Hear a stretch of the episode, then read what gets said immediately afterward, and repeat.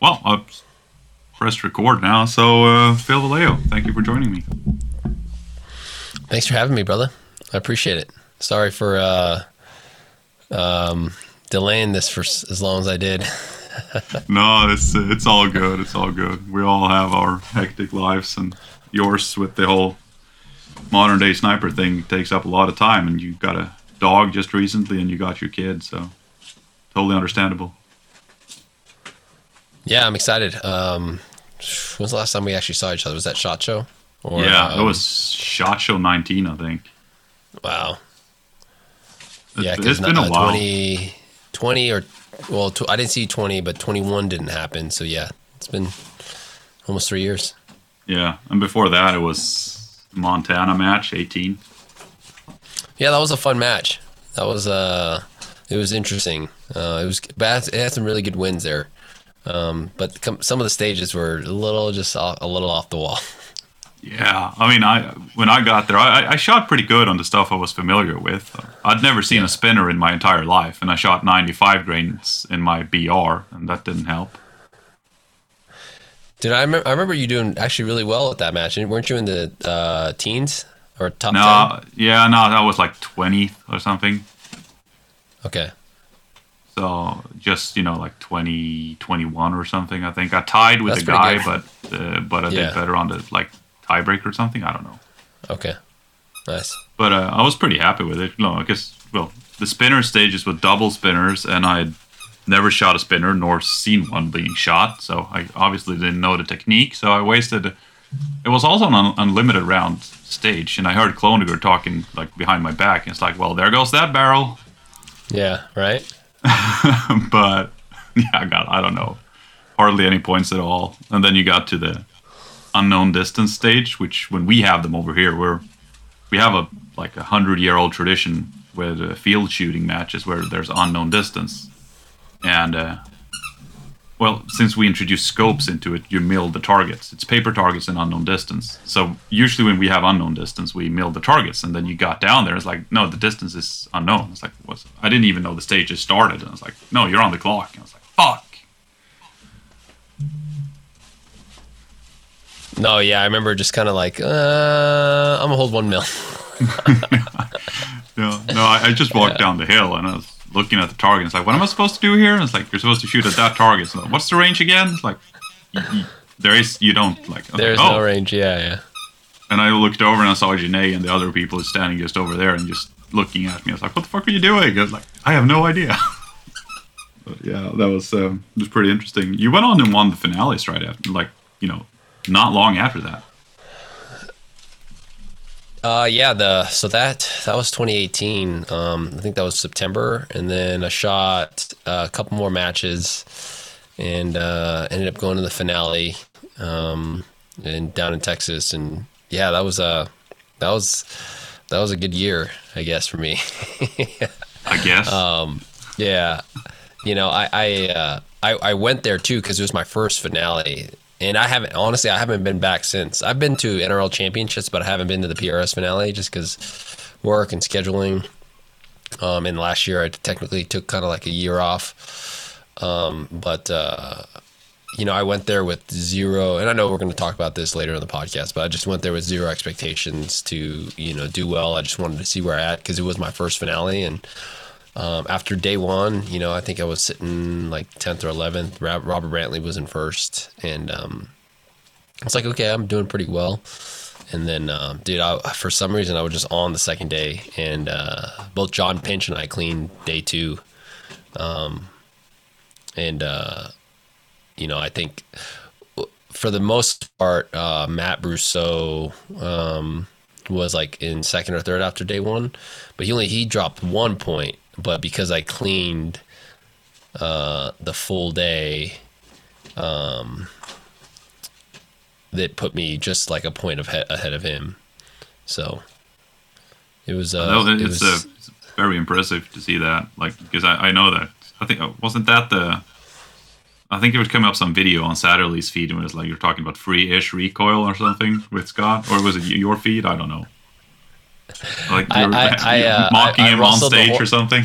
no, I, I, oh yeah, oh yeah, yeah, yeah. I, Well, so before that, in November, I had rustled the the hornet's nest about free recoil, and um, because I understood the concept, right? I just, you know, uh, I'm, sure I've bet, beat this horse ten thousand times, but um, like I understand, uh, like the concept behind why doing it, but I think because of like I was so fresh into coming out of the Marine Corps in 2018, and uh, I was working at Gunwerks, so like I was very, uh, I was, uh, you know, uh, purist as as people will call it, or fundamentalist, and you know, realistically, when I drive a rifle, I'm never in any of my applications other than I mean, even with comp- uh, competition rifle shooting, I, I, would never consider free recoiling because, of, you know, I think being able to see your shot is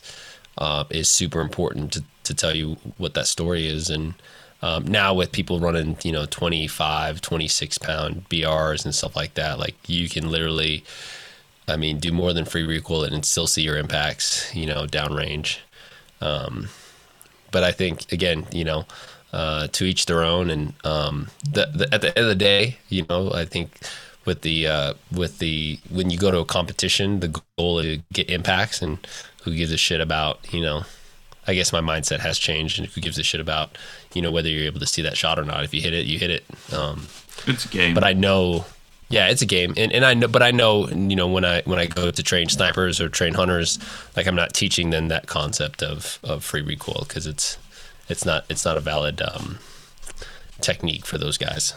No, outside of a precision rifle match, free recoil is garbage, really. Yeah. So, but yeah. I, uh, I've heard a lot of things, not directly from you, but some guys were talking. I don't remember who he was, and the topic came up on how much you had trained, bef- trained like how much you have shot before the finale, and I, I got some ludicrous number about like where the fuck did I hear this? I don't know, like 200 rounds a day or something. I was like, what? Uh, someone said that I trained 200 rounds a day before yeah, that? like like the month before the finale or something. I don't know where the fuck I heard that, but it was like, and I was like, really? That's like a lot of time, but uh, maybe I don't know. It's not impossible. No, so the only thing I did leading up to the match was shoot. Um, so that that I remember that season. Um, October, I shot like two um, two matches. Uh, I shot a Washington match, and then I shot um, that was at J- Jake Vibert's match, and then I shot Regina's match down in TPRC. Um, I got third there, and um, I think a week prior uh, to the finale, I did remember. I remember did uh, I remember shooting my 308, but I probably only shot I'd say 50 to 60 rounds uh, on one day. Cause I mean, at that point, it was it, in Wyoming, it was really cold. You know what I mean? Like I can only stomach being outside. Uh, when I was with Gunwerks, we had like a little warehouse um, where like we had garage bay doors. Yeah, I remember seeing that. And, yeah, yeah, and so like I would just really quick open the garage bay door, shoot like a real quick stage, close it, and then head back inside to warm up my hands because it was at that point it was it was freaking cold, you know. So I can't imagine shooting uh, 200 rounds. I mean, it was nice because uh, you didn't have to worry about the barrel heating up, but trying to stay warm was the was the issue. And then you go down to Texas and you're you know you're in a t-shirt, so. It's a bit of a difference, you know, Wyoming, Texas at that time of year. Yeah, and, and, I get that question asked a lot, like how many rounds are you shooting in? And um, I would say, I would say prior, prior to a match, I probably shoot no more than no more than 50 rounds in preparation. This is a, excluding load development, but I'd say I'd shoot no more than 50 rounds in preparation for a match. Just focus training, you know, working on wind calls, uh, working on building a shooting position, you know, and uh, I typically, what I don't do is I don't like run through stages. Like I don't want to like, oh, I'm going to run through the PRS skill stage like four times.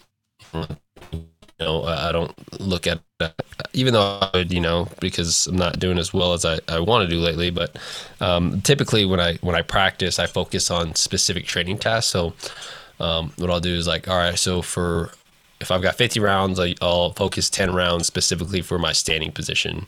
That's like a slow fire, just building my shooting position. Uh, that's um, quickly getting in and out of the standing position into maybe a kneeling um, or a build and break. So again, getting into the standing and then breaking it. Um, and then just repeating that a couple times um, at distance, and then you know I'll focus on the kneeling, and then maybe I'll I'll bring both of those back together, and then I'll typically reserve 15 rounds for wind calls, so I'll go deep and send the first one on zero with some wind, knowing that I'm going to miss, right? And then just working on uh, my ability to um, uh, follow up with the second correction. Um, that's the, the, the the focus, right? Because a lot of guys um, paralyze themselves when what I've seen with prone shooting position. I'm sure you see this too. Guys, uh, when they shoot and they miss, uh, they're not registered that that like oh crap, like I didn't I didn't prepare to miss, so they almost like don't know what to correct, and they just they're like oh well I was holding three tenths, let me try holding four tenths. It's like dude if you've got a six tenth wide plate, holding another tenth and, and missing off the barely off the edge, holding another tenth is not going to help you, you know, get you back on target. So, um, what I usually do in a situation like that, as I I try to like add, I add about ninety percent of the target to my wind hold. Yep. Yep. Smart. Yeah. Uh, but yeah. but that's but that's something you learn. I've, I've seen that in a lot of guys as well, and you you see they come off target. they couldn't spot because usually when we shoot, it's a lot of forest and the the ground is kind of damp, so you just, it's pretty hard to see the impacts or the splashes with, through your scope if your recoil management isn't on par. But when you're standing behind them with a spotting scope and you can really see it, you know, it, it went down into the, that little piece of grass, and then you see them add, you know, as you said, like two tenths to wind or three tenths or something, and they're like six or ten off. Yeah and the target is, as you said, you know, it's, it's pretty wide. It could be like a you know ten or twenty inches wide when yeah, they're off to some serious distance. Um, you know, typically that's like another common question too. I guess like, well, what if you have, uh, what if you have an area where there's no backdrop? You know, what what do you do when you you shoot and uh, you see no no feedback? You know, um, not because your recoil management is bad, just because there's nothing for that bullet to stop or whatever it lands further back. And um, my first go to typically, well, prior to that, I would say my mindset in that shooting position focuses strictly on being able to manage recoil and see trace, right? So I can, but if I'm not able to see trace and I don't see anything, um, the my second follow up will be a, a, increase of a wind hold um, in the direction that I was holding originally. And if I still don't see nothing on my third shot, I'll just hold straight straight up with the focus intent of watching Trace the whole time. And that's typically when I'll finally pick up pick up the round. Um, out of all the match stages that I've actually ever shot, I think that I've only burned one round, like shoot at the stake. Right, I see a lot of shooters do that. I think it's a smart technique. Right, I just haven't had the balls or courage to do it because typically, you know, um, I, I like think that like oh what if I just send it in the dirt and the next you know it's like the perfect wind call right yeah I, I, actually we started talking about that on a match uh, just this year now. We had a it was three di- no I think it was three or four different position. You were shooting like uh, wasn't that like 10 degree uphill like 800 something yards. And uh, the backdrop was just uh, brush. You can see shit. And you know if you drop down maybe 40 yards you had a had a nice uh, gravel pit because it was standing on top of a huge gravel pit thingy and we were starting talking it's like shouldn't we just send one into the dirt and see where it lands and everyone's like yeah but but if the first one connects like so yeah but it probably won't because it's you know the winds it's mountainous and it's like and all of us just went up there and missed the first shot. I was like, fuck, we should have sent it into the dirt. Because some of the guys ended up, everything three or four rounds, just sending it into the dirt because they couldn't see where it was going and figure it out because we were sitting down in a valley. It's like, oh, I think the wind is from the right. It's like, it feels like it's from the right. And then we're shooting uphill through a gully and, you know, it's like, oh, it's from the left up there. So uh, we should have sent one into the dirt, but you know, I don't know. It was pride or stupidity, probably both. I would say it's a combination of both. Like I said, I, I can remember the shot that I actually did take. It was at actually one of Scott's ELR matches. My the only ELR match I shot. Again, this was in 2018 in a 6.5 PRC, and wind was like 30 miles an hour.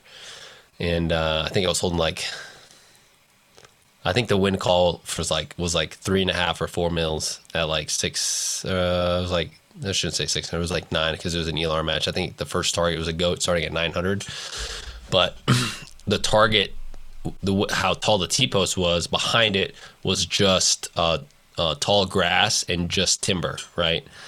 Um, but on the actual T, like at the where the, you can see the where the T post is staked at. So I remember just sending. It was like I was like, well, I'm just gonna send my first one at the uh, at the T post so I can see the dirt splash because anything higher than that, I'm gonna lose it in the grass. And um, uh, that's the only time that I I I remember doing that, and it actually benefiting benefiting me. Um, so. Other than that, I'm just, I'm just, I, I'm too, uh, I'm too much of a, uh, of a puss to send it in the dirt, in the dirt and waste that round. Yeah, but I mean, it, it, it helps. I mean, we had a guy in Sweden. He still shoots, but uh, not as much because you know he, he's a father now. Uh, he's, he, he, I think he, I think he's got three kids now. He used to have two, and now he's a farmer as well. So I mean, time is uh, not exactly with him anymore. But he used to. We was like asking him. He always won all the matches, like all the time when we started the sport out, like five six years ago. And then we asked him, how how can you like your wind call. So what do you do? And he, he just casually, one of those guys up from north, talks slow and calm. He's like, well, I just find a rock somewhere and shoot at it. And so he did that every time. If there was wind, he's just the first round into a rock or into dirt or something, and then he knew where he's to hold, and then he connected the the next nine rounds. It's kind of it's, it's smart. uh, It's yeah. not, I mean, it's that's not a pretty bad, cold. Yeah, yeah, yeah, yeah. That's But- that's that's that's you know that's not a bad that's not a bad technique really. Because usually, if you win win a match, you're like at what eighty or ninety percent hit rate. Like then you're at, at Yeah, the top. And say you got yeah ten or twelve stages, you wasted ten rounds and a hundred and what fifty course of fire. You'd still be in the top. yeah yeah. That's pretty interesting. So what what made you start out with the whole? You know, I, I, you you were an instructor at Gunwerks for quite some time. I think you were that when, as you said, when we first met, and then you were with them at Shot Show. But then you kind of went your own way and with Caylen and started the whole modern day sniper thingy. And uh, how did that start out? And because it's not a all sunshine and roses when you start your own business like that. So how did you go forward with that? Yeah, so um, you know, Caylen and I actually, I think we just started, we started talking on a podcast. Um, we started talking on a podcast uh, through Gunwerks and using their platform, and we were just talking about long range stuff. But then, um, really, what we noticed was that there was a lack of uh, precision rifle podcasts specifically for the art of sniping for for snipers to listen to. Because I remember not I mean I mean when I was an instructor when Caylen and I know podcasts weren't weren't in back then but I think podcasts were starting to become really popular uh, back then. Um, and uh, we're like yeah dude let's let's do a podcast that talks specifically about sniper stuff in order to give back to our sniper community right that that allowed us to um, continue to do what we do now. You know what I mean? Um, that's our way of of giving back and paying our our uh, our respect forward to that to that community. And so we didn't want to use the Gunwerks podcast um, to you know talk about uh, sniper stuff, right? Because it was their podcast, and you know Gunwerks is a completely different um, uh, thing in, in regard to long range because they're they're more uh, long range hunting. So uh, you know, we started talking about just mindset uh, of being a sniper, how to be a sniper, you know, what what it's like to be a sniper in, in our podcast, and I think we or, just organically were able to grow um, a uh, audience that just really resonated with. Um, you know the the therapeutic side of long range shooting, and then maybe have some you know um, curiosity to to see what snipers uh, actually did and how he operated. Because uh, you just read books and stuff like that, read books or watch like Hollywood, right? Like you got your sniper movies with Tom Berenger, shooter with Marky Marky Mark, and you know you got your Carlos Hathcock stories. But we wanted to modernize like the reality of like what it is to be a sniper. And um, that's kind of how modern day sniper started. You know, we started off a, as a podcast, and then um, Caylen was still doing his own thing with uh, long range instruction through. Um, he had a company called Kalinsky, and um, you know he was still doing that. I was working with Gunwerks uh, full time, and um, my heart still resonated with um, teaching snipers how to hunt four uh, two-legged critters, not four-legged critters, right? Because um, what I see in the gap of on the U.S. side of the house, at least, is the lack thereof of um, uh, actual uh, snipers that are training snipers, right? Um, you know, there are uh, there are um, you know um, other entities out there that are you know able to facilitate long range shooting instruction, stuff like that, which is fine, right? they are the subject matter experts appointed, or you know they've they've uh, they've they've gotten a great name, but um, there's obviously the technical side to um, long range shooting and being a sniper, but there's also the the mental side of the house, navigating uh, toxic leadership, um, understanding, you know, and relating to the playing field of like, hey, you know, after you teach these guys how to shoot, like, okay, like how do you navigate or how do you best uh, sell yourself to the command as a sniper to employ yourself effectively, and that's one thing that we felt was missing in uh, in our community. So we wanted to get back to uh, being able to teach uh, military law enforcement long range shooters. And again, um, I would say majority of our business still is um, is uh, civilian uh, shooters, whether it be hunters, enthusiasts, or competitors. Um, and then we're slowly slowly tapping into the the military market.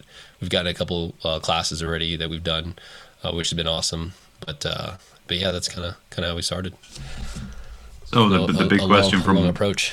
The big question, as you, we've talked like, before we started recording, also is there's a lot of guys over here wondering if this is your full time gig or if you have anything else doing it. But uh, yeah, I, I, think by now they should probably understand that it's your full time gig. It, it, yeah, so it's a full time gig, you know, and a lot of times people think that I'm shooting all the time, um, which actually is not the case. Actually, well, I'll take that back.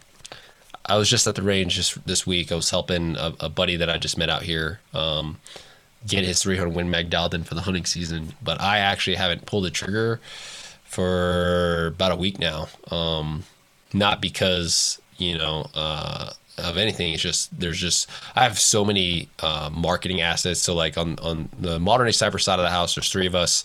Uh, there's Cass, which is Caylen's wife, myself, and uh, obviously Caylen. Kaylin um, is more of the like uh, the president, and he does a lot of the operations and stuff like that. Um, Cass helps uh, logistically a lot in terms of like our website, administratively. She's been killing it at that. And then I'm all obviously the, the marketing, social media side of the house, trying to figure out ways to um, uh, expand our uh, our reach um, outside of just our obviously our core network of people that know us already. So, you know, guys that maybe are getting into long range shooting, but you know uh, haven't found modern day sniper as their main uh, resource of information. So that's kind of my job. And then when I do go to the range, um, it's typically uh, I. When I do go to the range, um, it's very rare that I don't bring at least three cameras with me. My my phone, a main camera, and a trigger cam. Those are typically the three that come with me. And you know, rather recording, uh, you know, a, a tip or um, just recording assets for our um, subscription service. So um, we have a uh, online service where we do um, a 30 to 45 minute. It ends up usually being an hour, but it's supposed to be 30 to 45 minute uh, technical topic. Uh, 30 to 45 minute mental headspace hub is what we call it and then we give uh, the shooters a practice session, uh, which is about a 40 to 50 round count and then what i'll do is i'll actually shoot that practice session do like one full take and walk them through how i'm how i'm practicing and uh, you know what i'm working on what i'm looking for and stuff like that and so that's what what has been occupying my time lately um, on top of getting ready for um, hunting season yeah, I know making content, especially quality content, that uh, takes up a quite a significant amount of time. It's funny that you bring that up. Um, my uh, my con, I, I would definitely say, just like anything else, con- the content evolves, and um, you know, one of the things I do remember when I first started, because people always ask me like, well, how is your, how do you get, how did you get such a big social media presence? And um, because like I don't run ads, I don't, I don't like do those things where you pay like whatever to boost up your numbers or whatever. Um, you know, I, I, really started recording myself because I, I, was using it as a training tool. I was just actually talking to another gentleman about this uh, on his podcast, but um, I first use it as a individual training tool because I wanted to see if I was um, putting my money where my mouth was because as an instructor it's easy to just regurgitate and yell at your students like hey keep your face on the gun. Hey do this. Hey do that right?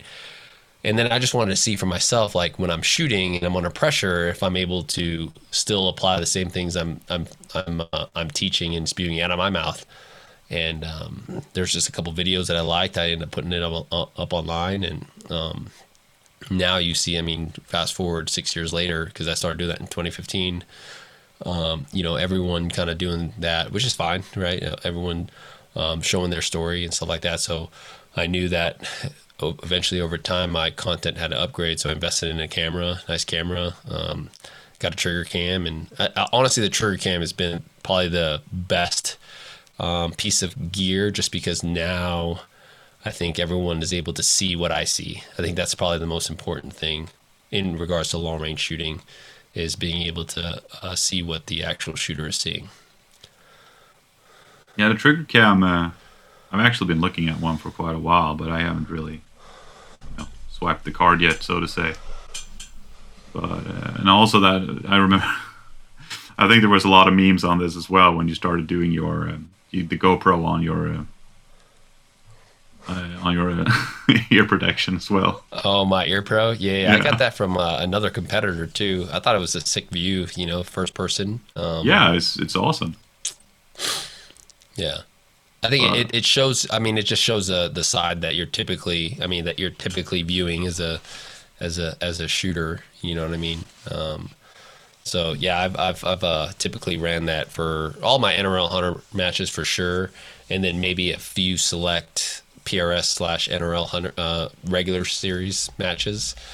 Um, so, but for sure for the NRL hunter, so that I don't have to mess around with a selfie camera if I'm. How do you feel like when you're recording your own match and when you shoot your own matches? Because I've I've done that for years now on my YouTube channel, and sometimes I feel like it's holding me back a little bit, but at other matches, I, I, it depends on the the mood I'm in and how how my mental game is. At some matches, I feel it's a burden, and some matches I really don't even think about it.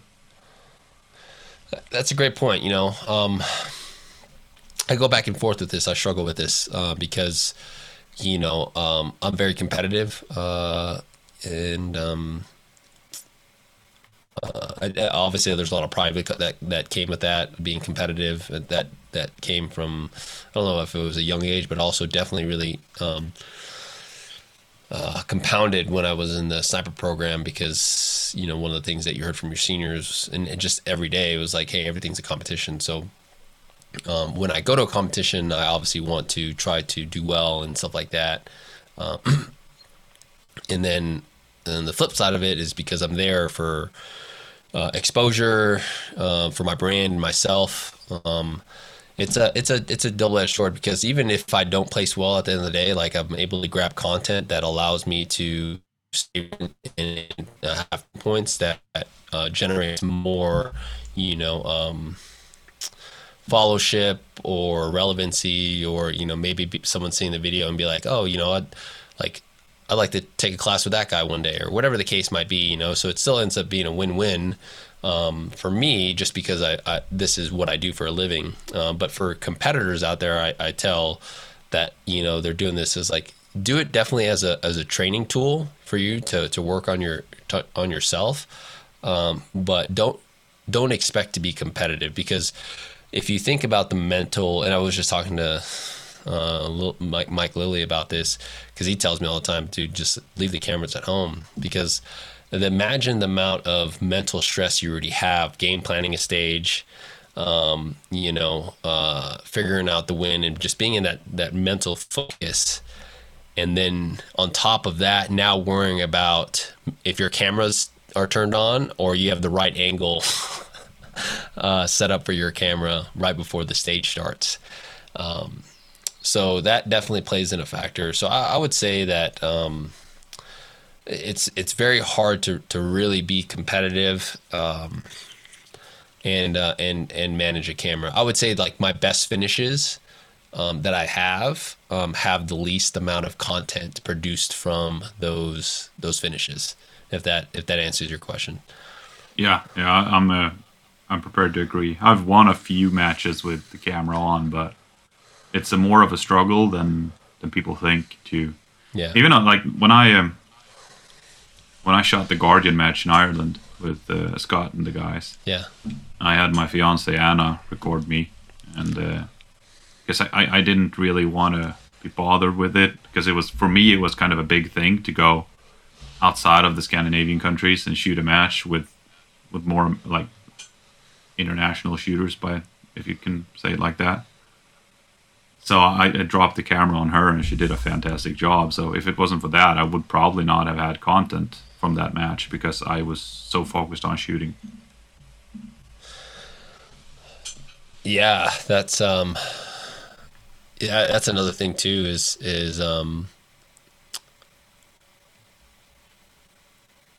if you're if you're yeah, if you're if you're trying to be competitive, you have to just weigh the options of like, all right, you know, um how can I yeah, how can I incorporate someone recording me? Because because at the end of the day, sometimes people do want to you know have content or assets uh, to to to to bring with them. Um, but like I said, for me, um, I don't mind doing it because um, uh, it's still there's a there's some kind of ROI for me to to turn the camera on versus you know um, winning a match uh, because you know winning a match for me. Obviously, it, it keeps me relevant, but if I don't produce any content from that match, the only people that really know, and it, it's like a one week buzz. You know, you know what I'm saying? Like, oh, congratulations, blah blah blah. But then it, it dies out because there's another match the week later. But if I shoot a match and I'm able to record 18 to 20 stages, 18 out of 20 stages, I have at least 18 days or not even like probably two months worth of content if I were to dissect each video um, and and put them on my social. That eventually, you know, in time will turn into customers and stuff like that. So that's that's my strategy behind it, and that's you know for people that answer like if I do this full time, that's exactly what my job is is to to produce content. You know what I mean? Because content brings customers, and customers right. brings in your pay. Yeah. Yeah, yeah, so it, yeah. It, yeah, it, ma- it makes it makes a lot of sense, but but also it's hard to uh, stay relevant or to keep on winning you know, on the mental side of it, as we're probably going to dive into later on. But as, looking at the guys who, who keep on winning, they're not they're not exactly winning all the time, as you could. If you look at a lot of the big guys, you know the top five or top ten guys in the PRS right now, they shoot an insane amount of matches and they win every now and then. But like for us outside of the U.S., we look at them like they're winning all the time, but they're, they're not. They're just they're shooting in.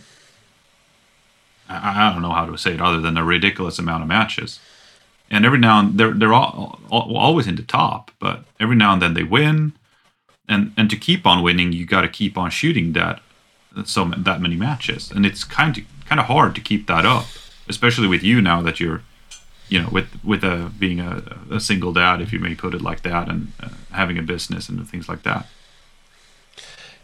Yeah, so I struggle with this, um, and I think we've talked about this before coming on the podcast. Um,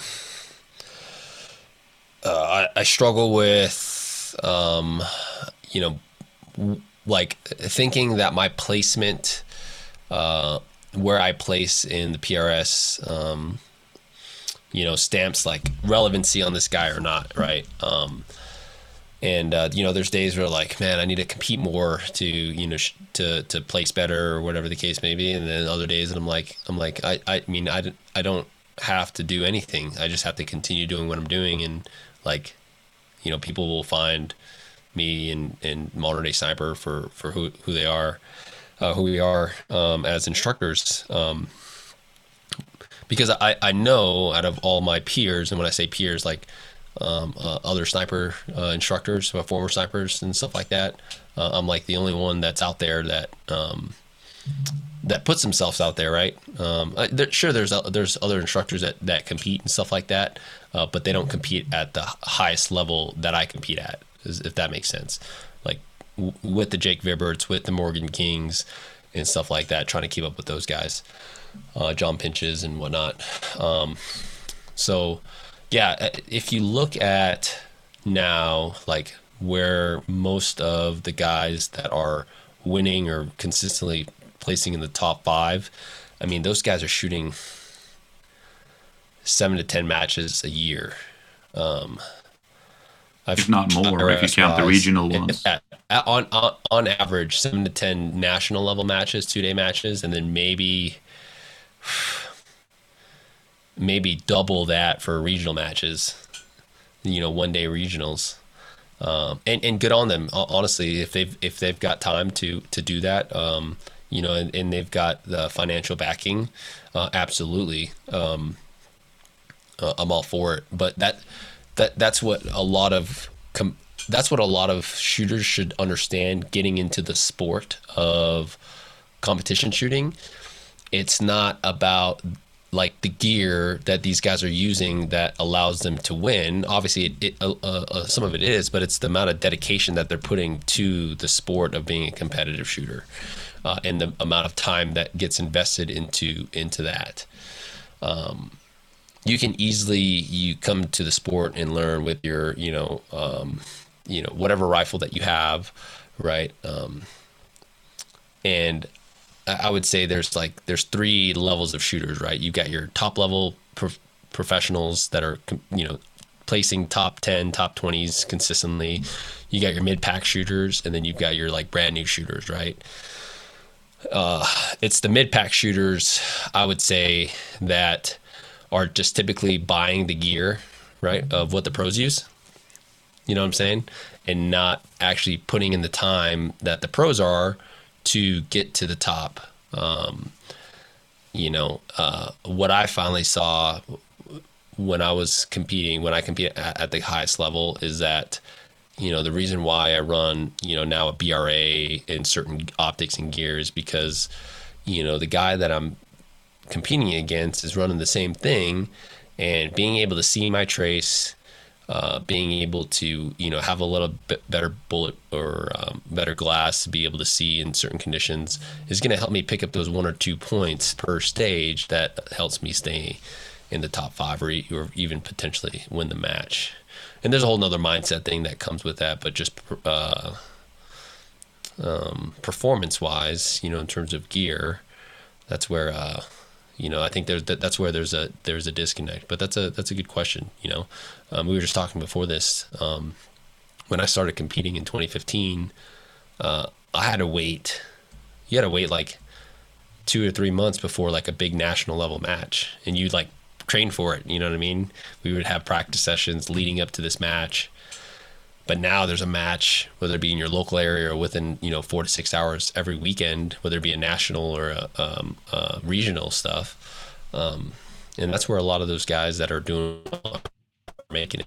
Um, you know, that my daughter's age, you know, she's you know uh, 12 and she's wanted to start doing activities. I try to focus my my weekends um, around what she wants to do because typically you, you broke up a little bit there earlier so like i don't think people actually heard who you were talking about there. Uh, i think um, i think i think you mean your daughter?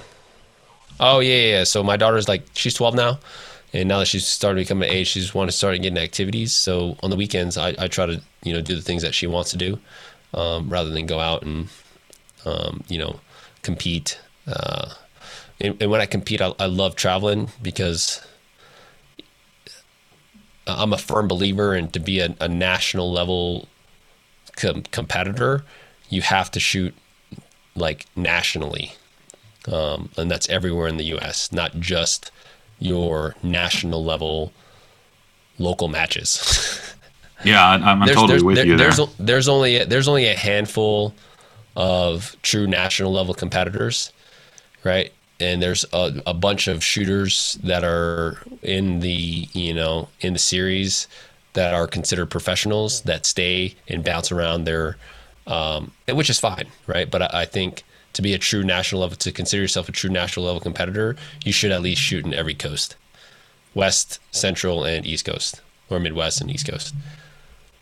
Yeah, yeah, I'm with you there. We were talking about that just briefly. Uh, the Viking series that we have over here, and the Viking Rifle series, as we call it, which has been a bit of a hold now for like a year and a half due to COVID. But we have, I think we got like 10 or 13, something like that now, uh, today, or at least what you would call a national level match. And we had that discussion briefly, like to be able to. We've had now earlier we had two matches as your your two best matches counts towards the finale. And now that we started growing even more with more and more matches, we started thinking like maybe we should have three. And should one of those matches have to be in a different country than your own, which is for you is would be equal to a state because you know Scandinavia isn't that big. Yeah, and, and there's a there's a double there's a there's a there's the devil's advocate because I was like, well, I don't I don't have you know, like I get it. Then it comes down to money. Like, well, I don't you know I don't have the ability to, um, you know, shoot, um, or whatever whatever the the the the case might be. Um, it's like, but but at this but at the same token, you know, um, I think there's a there's definitely a step above what we have going on right now in our series that could separate true level top professionals.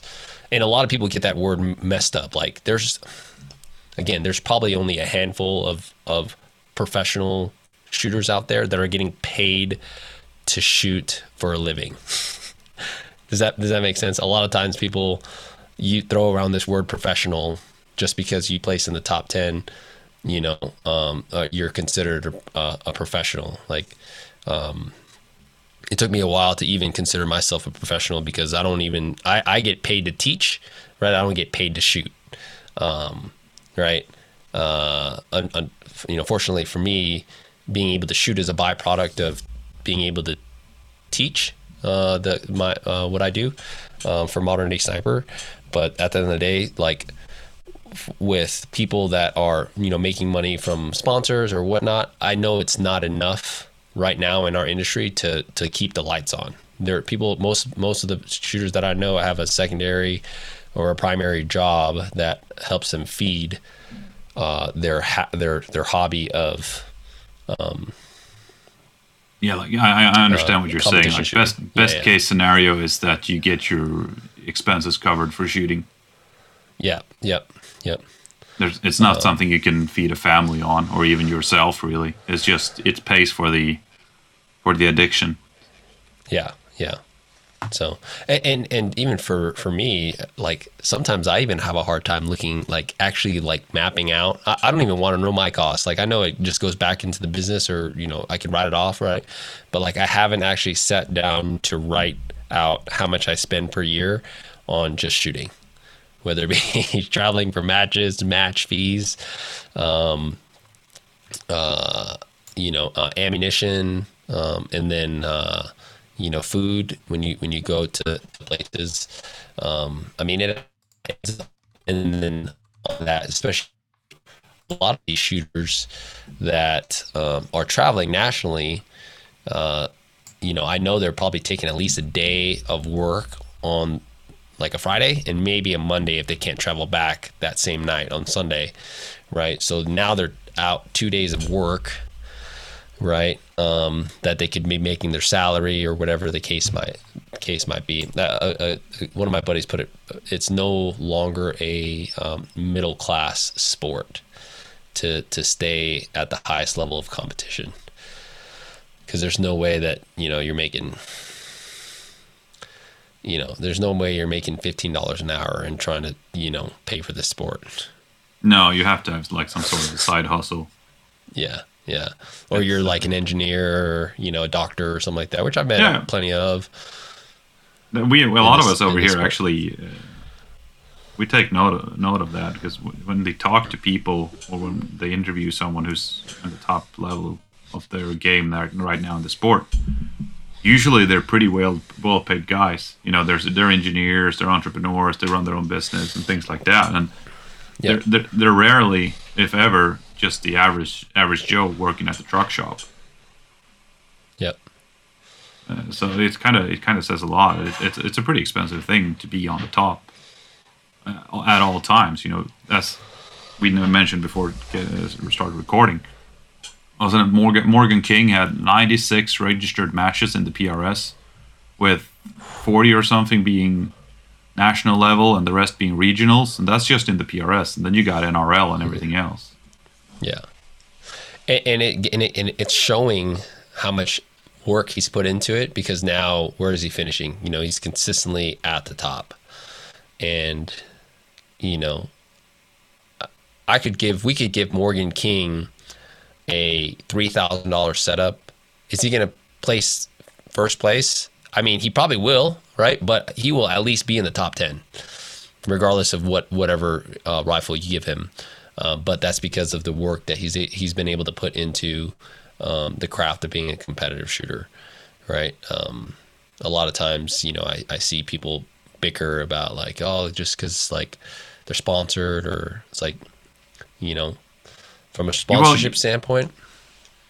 Yeah, I mean, spo- sponsorship is it's a double edged sword. Uh, we ranted on and off about this, you and I, on Messenger, and uh, that, that's it's it's kind of a it comes with the I don't know how to say this, but uh, you get obligations as well. You have to do things. You're not just sponsored for doing nothing, uh, and uh, to a certain de- to a certain degree, of course, but you get sponsored because you're a good representative of a company and that that company want to be affiliated with you as a person and then you get obligations connected to that company Yeah, yeah, and that, that's a that's a great point. You know, there, there's um, and, and and it's tough to try to navigate these waters because, you know, I always hear the the bash on Jersey shooters, right? And um, I've been back and forth on this. I, I would consider myself a, a Jersey shooter because I have, you know, I do have a jersey from from my main sponsor, um, Short Action Customs,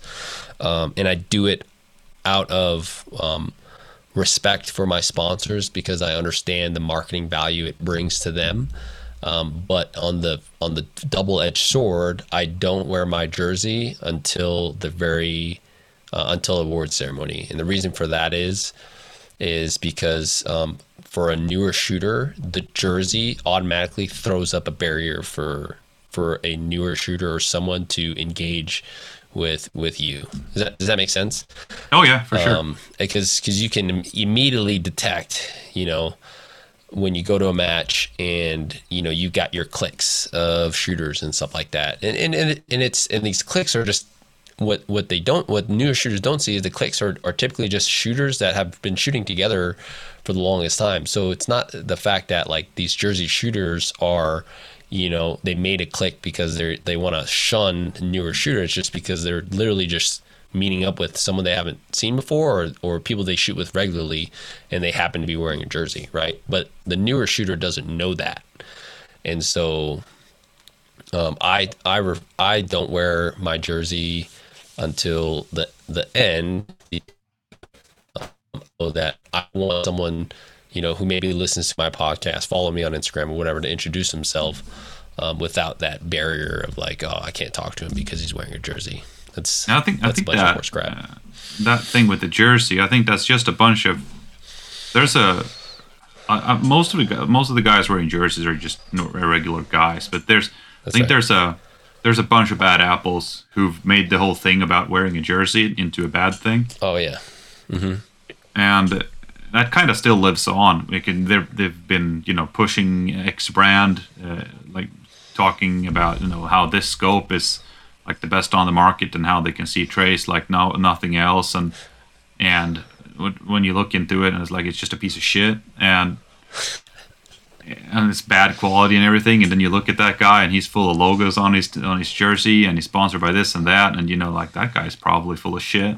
and then you then you see him confronting some guy on Facebook about uh, when they're bashing his brand, and then you know, and then he's like, "Wow, these guys are just assholes." And then you you just throw everyone in the same basket. You know, um, we just recently did a opt like an optics podcast, but this is a perfect uh, example um, of just um, when sponsorships are are taken almost too far. Like I understand a, a definitely a, a, they're having brand loyalty, right? Um, but then there's just so many different cases, and um, you know, trying to again be un, unbiased as possible. But uh, you know, we we uh, talked to Ilya, um, who's known as the Dark Lord of Optics, on our podcast. Really great podcast. Talk about just uh, uh, optics in general. And um, I think one of the things we talked about in the podcast, like when when someone asks on a forum, like, "Hey, I'm looking to buy X optic for my competition rifle," you immediately it's immediately just like throwing out bait to see who the sponsored shooters are for X product, right? Because the sponsored shooters will immediately like chime in like, "Oh, get this, get that," right? Which is and if you look, you know, deeper or like if you know who they are, you know for a fact they're sponsored by that specific company. Um, you know, I one of the things in in in our um, spotlight as instructors is to again be as non-biased as possible. Obviously, I've I've had a really long relationship with Kahles. Um, are they the best optics uh, uh, uh, on the market? Um, I, I, I, wouldn't say that they're best the op, best optics on the market, but they are for me uh, fill everything that I need for what I use them for uh, as a competitive rifle shooter. Um, and not only that, I'm a I'm a huge I've I've gone along with them great. I'm a huge fan of um, brand loyalty, uh, and so when they picked me up in 2016, I haven't left them because there there hasn't been a, a need to, if that if that makes sense. Um, and uh, I try not to I try not to shove, and if I do, please call me out on it. But I try not to shove Kahles stuff down people's throats. I just happen to use it when I you know um, post my videos, and um, you know uh, I've I've done a video why I like them, uh, the ergonomics of them. Uh, are there uh, other pieces of glass that are arguably better uh, on the market? Uh, I would say so. Um, you know that are higher priced up there, but um, for me as a competitive shooter, I know that it fits the bill, right? Um, I mean, as, as you said, that when you when you start throwing it into people's throats, that's when it becomes toxic. The whole sponsorship thing. That's when you lose credibility in the community as well, and that's when you become that jersey shooter. Yeah, yeah, for sure, right? Because you know, there's a lot of great optics. Like I've I've looked at, there's a lot of great optics, a lot of great chassis. There's it's so it's so there's so much, and there's a lot of bad stuff out there. Like there's a lot of stuff that I I like, you know, I won't publicly blast, right? Because it's unprofessional. But um, for the most part, when people ask me about a certain opinion about a certain brand or whatever, I'm like, hey man, like uh, I've used them. I wasn't a big fan of them. Like I'm not saying you shouldn't, but proceed with caution if you do, and then I'll give them a second or a tertiary alternative to that that specific brand, right? Um, you know, because when you when you really brand, break it down, because when it comes to gear, like most of the things work if you train yeah. with it.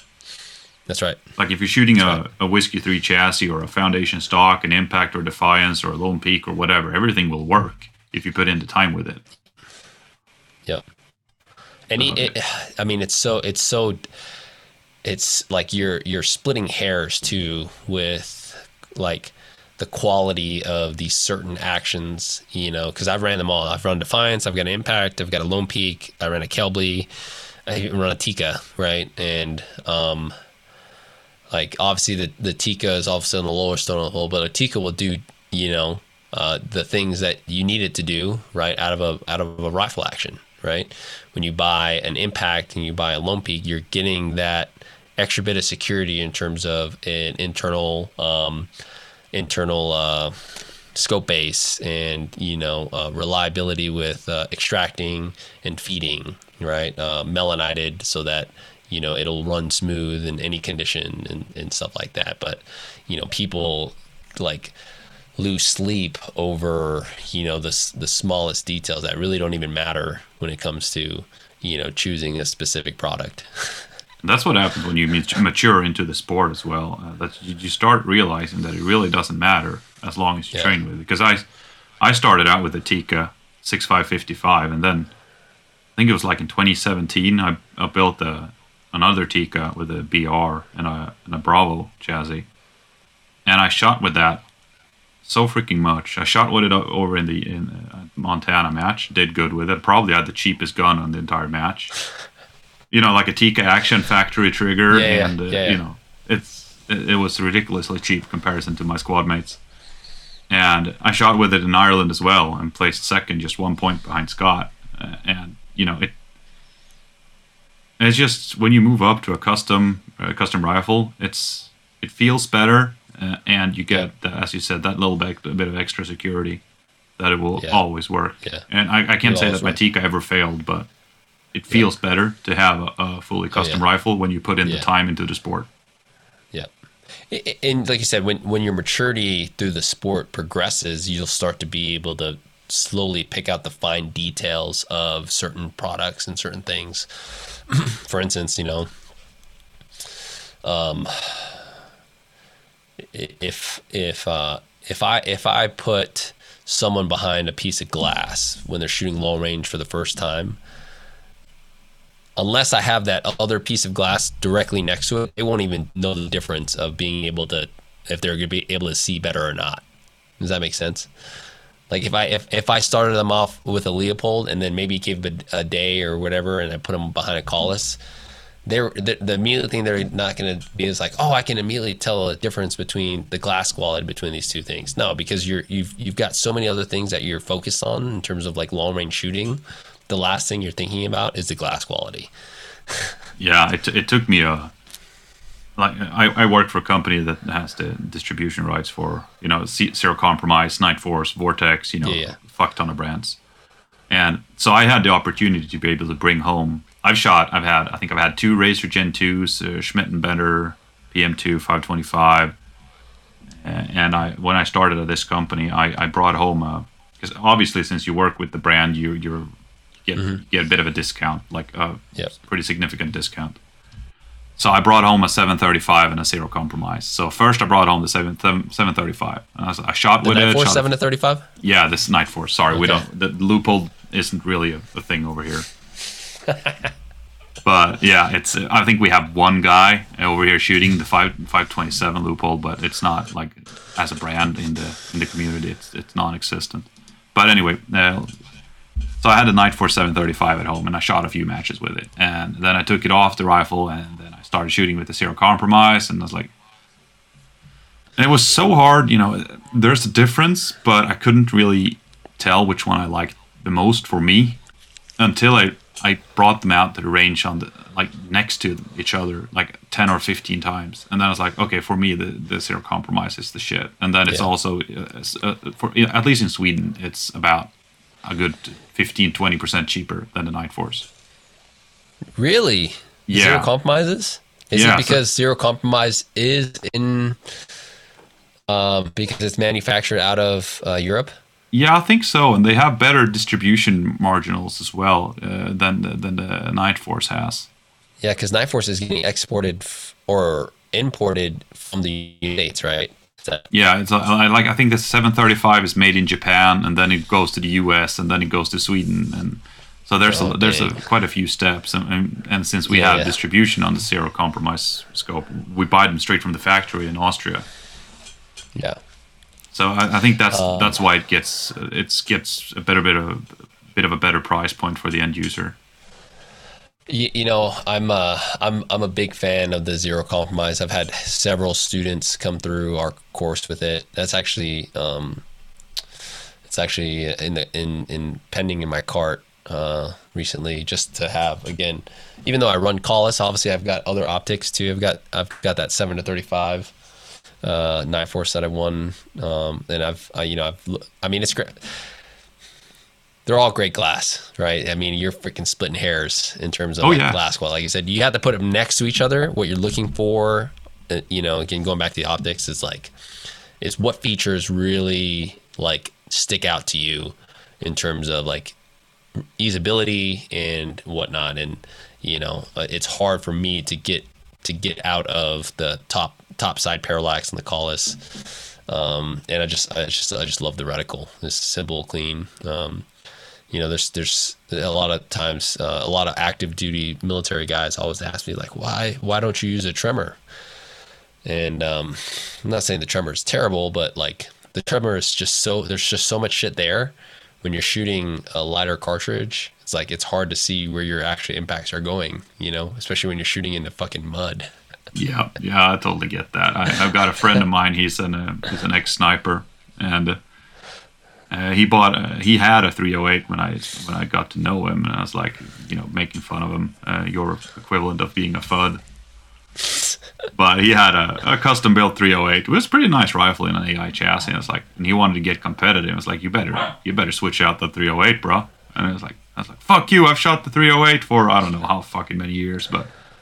And then he started as like show, I showed him ballistics and the, the lack of like significantly less recoil running a 130 instead of a, like a 185. And he switched over and then he, he used to have like a Bushnell and then he wanted a 735 Nightforce. And that was before they, because I, I knew he needed a Christmas tree. And that was before they had the Mil-XT.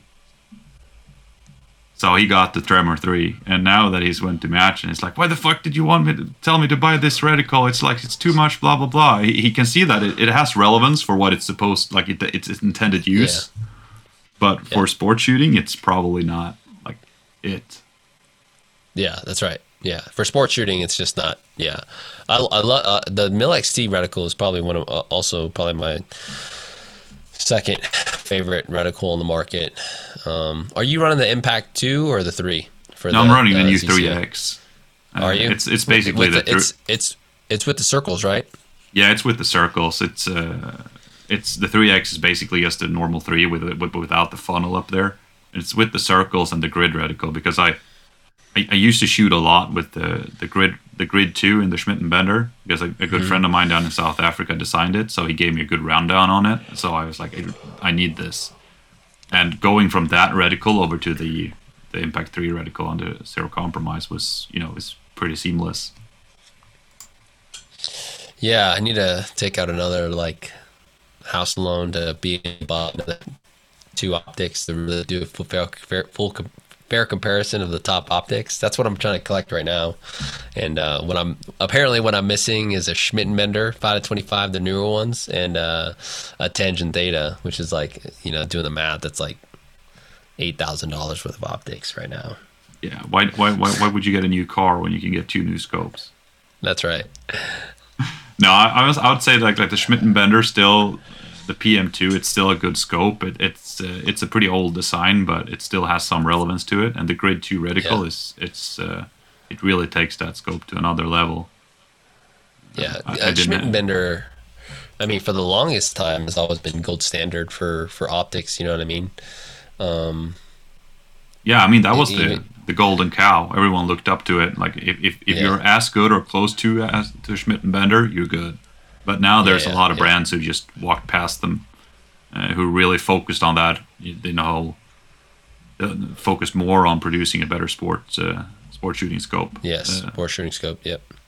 because that that's what that's what people need to recognize that what, when they're looking at as, as a view from the from the military or the, when they're looking at what the professionals who actually go out there and do the work that kind of work it's it's kind of stupid to look at what gear they're using and ima- and think that you could use the same thing for competitive shooting Yeah, just- it doesn't not translate. No, it doesn't. Yeah, not at all. what you said on a podcast early on is like winning is easy but keep winning is hard I'll keep on winning Yeah. Um. Uh, Alice or uh, Marchand Hovrud. Have you met Marchand? Did you meet Marchand? yeah I met her I'm, yeah I met, I've met her like I think in Montana and another time I, I think once or twice Yeah, yeah. So Marchand, awesome, awesome gal. I freaking love her. Um,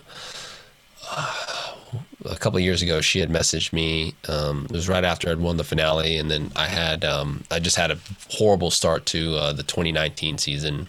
You know where I wasn't placing well because obviously coming from a win like that, like you're you're now expected to do well, right?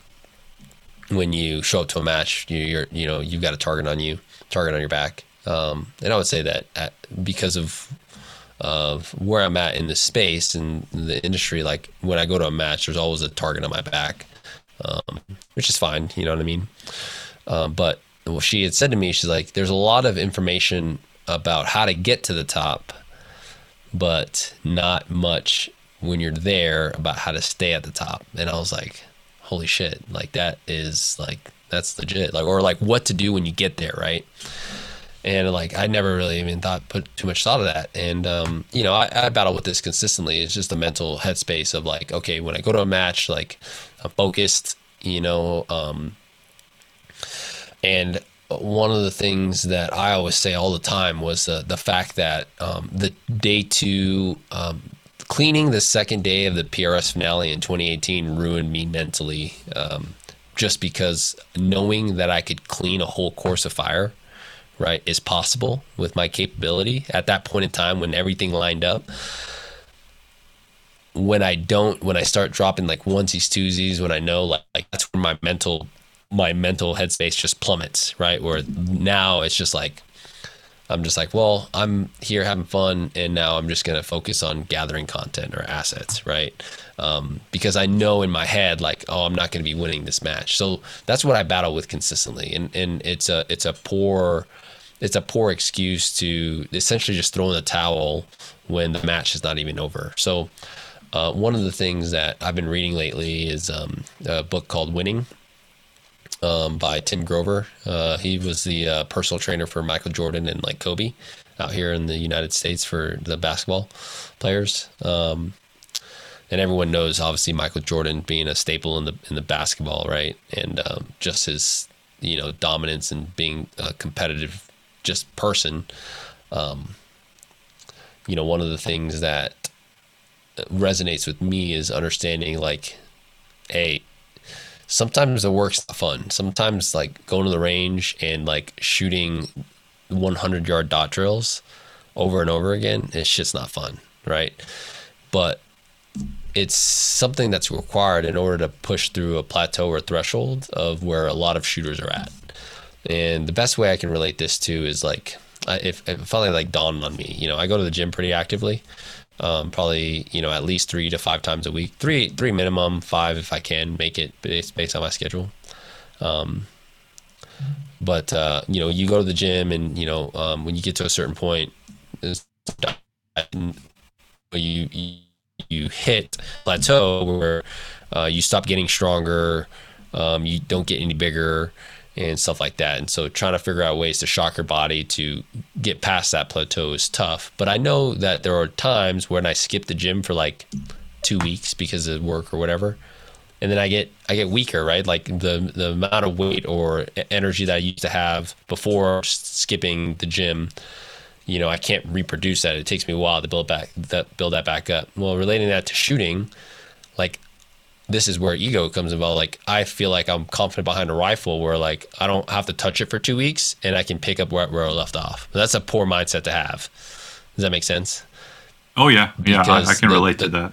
The the top level competitors are touching their rifle every single fucking day, whether it be five minutes dry dry fire or whatever the case might be, and they're consistently honing their skills. You know, in pushing past that plateau. In in in you know, you get to a certain point where you're making very minor minor improvements in your capability where you you don't even see it until you go to a match and you start actually looking at the data in terms of your ability to hit targets at distance or maybe your percentage of, of um, hitting the plate or maybe you know so like how do you quantify the small uh, steps in progress as a competitive rifle shooter when you're already at the top of your game well, you actually look at the data in terms of your performance at matches, what targets you're hitting, and, and whatnot. Um, but like I said, how do, how do you get there? You have to you have to put in the work in the off season, and and um, and in, in, in between in between matches, and so that, that's where I haven't uh, been able to essentially um, win my mindset over is like is like I, I shoot for a living when I'm when I'm at matches I'm fully engaged and honestly like when I come back from a match because again like it's time to be dad um, like I was saying this in another podcast like when I come home from like a four or five day uh, work trip from instructing um, as soon as I come home the rifle stays in its case all my bags stay packed and I don't fucking touch that thing for a week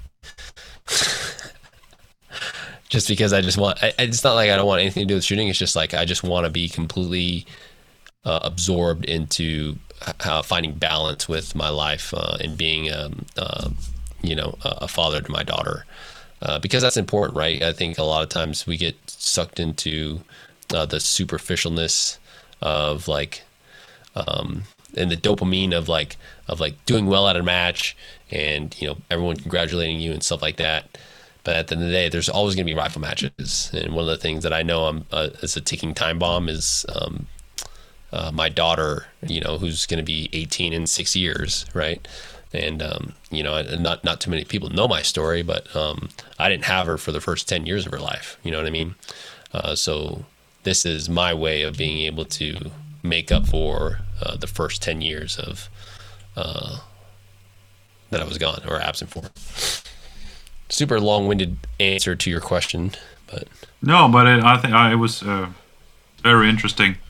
I, yeah, but I, I think was, I think uh, how often do you do you train now? Like now, uh, I that's that's been the problem. Like I, I picked up a new a new job that takes a lot of time. I used to be able to just work like seven to four, clock in, clock out, at work, it was pretty. I, I drove a loader at the scrapyard. I mean, I could drive around thinking about shooting, and when I I didn't even have to focus about work. I, I brought stuff from point A to point B. And now I have a job that is mentally challenging, and I have it takes up a lot of time, and finding a balance between that and actually shooting a lot has been pretty pretty hard. And r- right now, I've like not even like the past two months, not even once a week but like in 2019 when I shot the most, I I drove 6,000 miles to matches. And I traveled to Ireland, Norway, Finland, you know, everywhere. Shot all the time, like twice or three two or three times a week. And when I came home from a match, I took usually as you said took a week off and just wind wind it down a little bit, but like I, I I would definitely love to be able to go back to two times a week with like 40 rounds at a time, something like that. But that's that would be my go-to scenario, and I think I'll try to pick up on that again now because it's been a, like a hectic two or three months. But before that, I shot quite a bit. Yeah, and and it's easy. Again, it's easy to get complacent because of you know where you're at. Um, where you're at skill level wise, especially if you know you you perform well, um, and um, you know you'd be like, oh, I can just I can just pick a rifle and do well, right? But there's a difference between doing well and, and uh, there's a difference between doing well and doing well consistently at the highest level. Um, and the best quote that I've heard is is um, making it to the top is different is a lot different than making it at the top. two two different worlds, and and um, um, you know when in order to like when you when you think of winning, right? And this is what the book that I read, you know, talks about. It's like when you think of winning, you know, um, like describe winning and. Um, in the book, he asks you, you know, when you're reading it, like, okay, if you if you had one word to describe winning, um, what would it be? That's not like, you know, like feeling good or whatever. And the very first thing that came to mind for me was sacrifice, right? Like the amount of sacrifice it it takes in order to get to the level that you need to be nowadays to win consistently every single time. um, because we're we're we're way past the day and age of having just ta- relying strictly on talent. Because I would say that even th- the growth of your series started off that like that, where you had guys that would just show up and they were really good with a rifle, and they would do well. You know what I mean? It's like they they probably were super new to the sport, probably didn't have much time in. They just were naturally talented at shooting a rifle. But now you fast forward, you know, five or six years with the growth of the sport, and now you've got people that weren't as talented but have put in the work that are now consistently finishing top five, um, respectively, because of the amount of work that they're putting into uh, their craft. Yeah, that's uh, we have we have a guy that he showed up. I think he he was like top mid pack when he shot his first match, which was pretty good. Like if you were naturally talented at that time, that's where you that's where you finished, like top mid pack, mid pack. And then he, you know, he put in a lot of work, and he, I think he won. Uh, I think he won two or three out of the four qualifiers for the World Championship in Sweden. Like with a, you know, I think he dropped two rounds in the or three rounds or something in the entire course of fire in one of the matches. He was, you know, on fire because he's put in the work. Yep. And you know, I think he, he had two wins, and then that was also a thing that I thought about what you said, like because he won two matches, and I said he's probably not going to win the next one. And a lot of people was like, "Well, he's on fire. He's going to crush it." And I was like, "Nope, he's probably not going to because well, there's a lot of guys now chasing him, and they're putting in more work." And he, I think he ended up like fifth. He's a really good friend of mine, but you could see it really early on that he got lazy compared to the first two matches because he already yeah. had his spot to the world championship. And, and and that's that's exactly where it is. It's it's just it's laziness due to complacency of of of your performance, and that's where I'm at. Um, admittedly, where um, yeah, like I, I I'm like right now with my skill level, I'm I'm capable of finishing in the top 20 consistently. Right. Um, that's just showing up without any practice and you know being able to know and just do what I do. But if I were to actually like put more work and effort into it, it's going to take a lot to you know stay in the top five consistently, assuming that my headspace is in the right spot um, to perform and um, you know that when people ask like like well how do i get there it's like well you got to ask yourself like how much are you willing to sacrifice? How much time and money are you willing to sacrifice to get to that level? Because it's possible right? Nothing say that's possible what is it going to take to sacrifice? Like who who is going to suffer from um, from that? Especially if you've got family or kids or whatever. If you're single there's no reason why there's no reason why you shouldn't be making it your you know uh, uh, life's work. Which there's a lot of people that do that, right? Um, but my my situation is a little different. So I think most people's situation is a bit different than being single and being able to go to most matches. Exactly. Uh, final one, which I before we stop the record button, but I don't think it's so much of a question as people who don't understand. You know that you, you and Caylen been pushing the whole mindfulness behind the rifle quite like a lot. Yeah. Like the whole mindfulness thing. And there was like I think it was like a like a Norwegian guy and a Swedish guy who who said that you sound like two blonde yoga instructors when you talk about mindfulness. Uh, that's a that's a good point. Um, you know,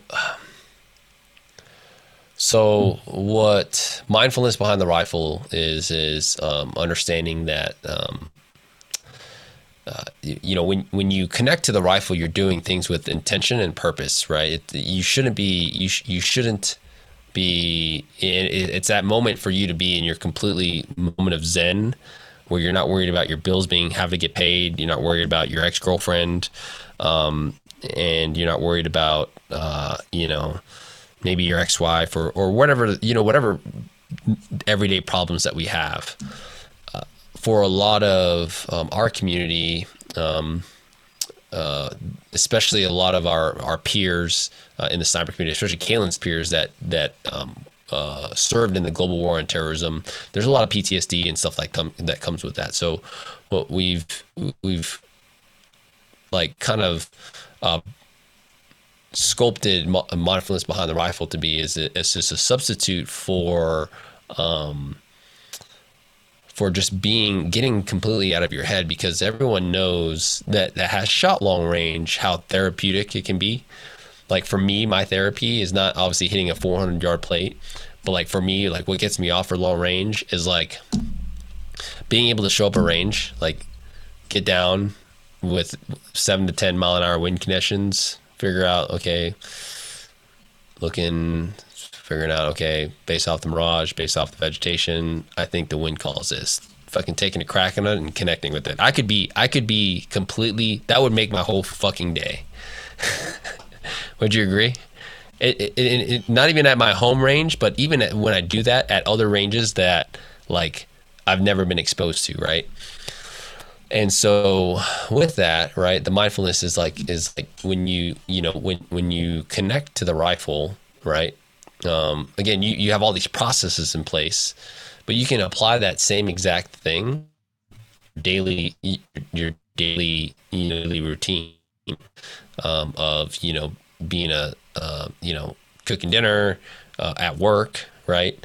Um, you know, just being completely and utterly focused onto the process of whatever it is that you do in your daily life, uh, not just uh, with the rifle. Um, so I think that's you know that's what we we definitely we uh, use it for. Uh, we talk a lot of uh, mental you know um, space just because um, you know in again with the global war on terrorism, men- the mental um, uh, thing is not very popular to talk about. Um, because no one knows that no one no one ever talks about it because there's just so much again bravado and, and ego in, in the sport of just the firearms industry right where like you get almost like blasted for showing signs of weakness. And that's what ends up that's what ends up causing um, veterans to put a gun in their mouth right? Because if they were to talk about their feelings to someone else, they're now considered weak because that's what we've been brainwashed to do when we were we were in the service. And I remember doing that brainwashing when I was an instructor. Oh, you're the fucking you're an alpha male. You're the greatest thing since sliced bread. You know, you should be a fucking killer. It's like, well, you can only have that switched on mindset for so long until you not break, but until like it gets old, right? And then you know, then and then you get out of the Marine Corps and like you have to adapt to normal society where not everyone thinks like that. I think also like the biggest thing isn't that I, I, have not been in that line of work. Uh, I have friends, several of my best friends have been in that line of work, but I don't. I think the biggest problem is that the guys are thinking that they would like be considered weak for talking about such things, rather than they actually being considered weak. Yeah the biggest problem is in your head that you are afraid of the other like your peers will think that you're weak for talking about the problems. But if you yep. would talk about it uh, that's probably not the reaction you would get. That's right. Exactly. You know? And i think there's a de- there's definitely a difference between having a pity party for yourself and actually having like like admitting that there's an issue with what is going on in your brain housing group. Uh, you know it was funny what um one of like probably one of the best compliments that I've ever gotten was from a GWOT veteran. GWOT stands for Global War on Terrorism. Um, he was attending one of our courses and, um, you know, he listens to our podcast and he was getting ready to take off and he just like, he shook my hand one last time and he was like, Hey, I just appreciate what you and Caylen are doing. And I'm like, Hey dude, thanks for coming. He's like, I'll be honest with you, man. Like attending shooting events is a reason why I'm not, going out and buying a fucking six pack or you know a fifth of Jack or whatever, a, a fifth of hard liquor and drinking at night. You know, um, because I know that in order for me to come to these events, I have to be focused. So instead of buying a six pack, I just get ready with all my shooting gear to come to one of these courses. And um, that was cool. That was cool to hear that you know he's selected to take our training over you know, do what he normally does with buying a six pack or buying a fifth and just getting, you know, drunk that night.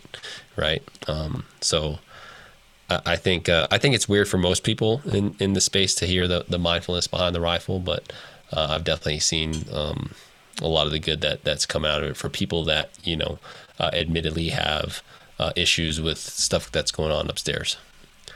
So Yeah, no, it's uh, I, I, I, I get what you're saying with the whole mindfulness thing, and I, I, I, I liked the conversation about it early on, and I think a lot of us who, who compete a lot, without knowing, uh, are are doing that because, at least for me, when I go to a match, my house is it doesn't exist. I don't have a car. that's right. Like I, I don't have bills. I don't have a job. Like nothing. That's everything's just gone. Everything's gone. Yep. and that's is if if you're in a stressful life situation or if anything stresses you out as soon as i go to a match it's gone i'm surrounded by people uh, like my people and i'm at a place that demands 100% of my focus and Yep. it's that's pretty much what mindfulness is being present right now with, what you are doing and not thinking about anything else and i think that's what people misinterpret when they just listen and hear the world world bleh. Sorry for the word The word mindfulness mindful- mindfulness. Yeah. yeah and they just think about that blonde yoga instructor talking about mindfulness Yeah. That's fine. you know. Um, yeah but thank you for coming on uh, nice to have you on phil Yeah, no, thanks for having me on your platform, man. Uh, and I appreciate uh, your uh, your your support and um, your friendship these last few years of us of talking. It's it's seen to, to it's seen you cool. It's been cool to see you grow into where you're at now as a leader uh, on your side of the on, on your side of the world in, in, in regards to precision rifles. So. Um, you're definitely definitely notice on my end of all the work you put into uh, your community. So thanks man appreciate it